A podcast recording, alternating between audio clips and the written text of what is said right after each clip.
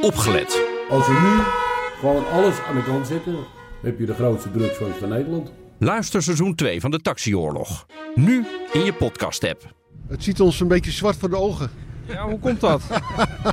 Maar dat komt door de zwartgelakte documenten die we allemaal te zien kregen. De column van Bernard Hammelburg. Piet Hoekstra, de Amerikaanse ambassadeur, vindt ons kabinet en parlement maar een stelletje slabberde watskies. We gaan in de kwestie MH17 veel te slap om met Rusland. In een interview met BNR verwijt hij de regering Rutte veel te voorzichtig te zijn. Kom met sancties tegen Rusland is zijn advies. Tegen Nord Stream 2, de Russische pijpleiding die door de Oostzee naar Duitsland gaat lopen. Een deal waarin ook de gasunie participeert. Alsof Duitsland en andere EU-landen zomaar aan die sancties zouden meedoen. Sancties. Voor de regering Trump een geconditioneerde reflex en meestal een foute. Het is een godspe van het land dat notabene juist sancties heeft ingesteld tegen Nederland en de andere EU-landen. Ze noemen het tarieven op staal en aluminium, maar het zijn doodgewoon sancties tegen bondgenoten. Amerika zou Nederland steunen met nieuwe sancties, zegt Hoekstra. Dat is makkelijk vanuit zijn leunstoel. Amerika doet nauwelijks zaken met Rusland, Nederland juist wel. Hij probeert Nederland in het Amerikaanse frame te wurmen. Dat wil niet zeggen dat Nederland het allemaal even handig speelt. Het Joint Investigation Team dat de ramp onderzoekt bestaat uit Nederland, Australië, België, Maleisië en Oekraïne.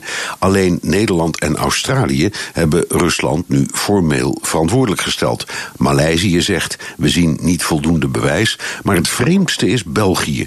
Geen woord. Twijfelen de Belgische onderzoekers ook? De stilte uit de Brusselse wetstraat is oorverdovend. Dat die boekraket uit Rusland kwam is logisch, want het wapen wordt alleen in Rusland geproduceerd. Dat het projectiel afkomstig was van de 53ste Russische brigade zal best kloppen. Maar hoe en door wie? De illegale wapenhandel in het grensgebied tiert welig en trouwens geen enkele krijgsmacht waarvan zoveel materiaal uit wandelen gaat of van een vrachtauto valt als de Russische. Dat weet Poetin natuurlijk, maar hij zal het nooit toegeven. Het betreft de grootste massamoord op Nederlanders sinds de Tweede Wereldoorlog. Om de waarheid te achterhalen en uit respect voor de nabestaanden zou ik zeggen: speur nog goed verder, probeert uit te vissen of die boekraket is geleverd of gesmokkeld. Blijf bij de Russen aandringen op medewerking en ga niet dreigen met sancties. Dat is ook ongeveer wat minister Blok van Buitenlandse Zaken in een reactie op het BNR-interview zegt. Liever slabben de watskies dan Trumpianen. Hammelburg, onze buitenlandcommentator. En op woensdag columnist. En die kunt u terugluisteren als een column op bnr.nl en in de BNR-app. Ook Liesbeth Staats vind je in de BNR-app. Ja, heel handig. Luister live naar Kees en mij tijdens de Daily Move. Dan blijf je ook gelijk op de hoogte van breaking news en het laatste zakelijke nieuws. En daar vind je ook alle BNR-podcasts, waaronder de Perestrooikast. Download nu de gratis BNR-app en blijf scherp.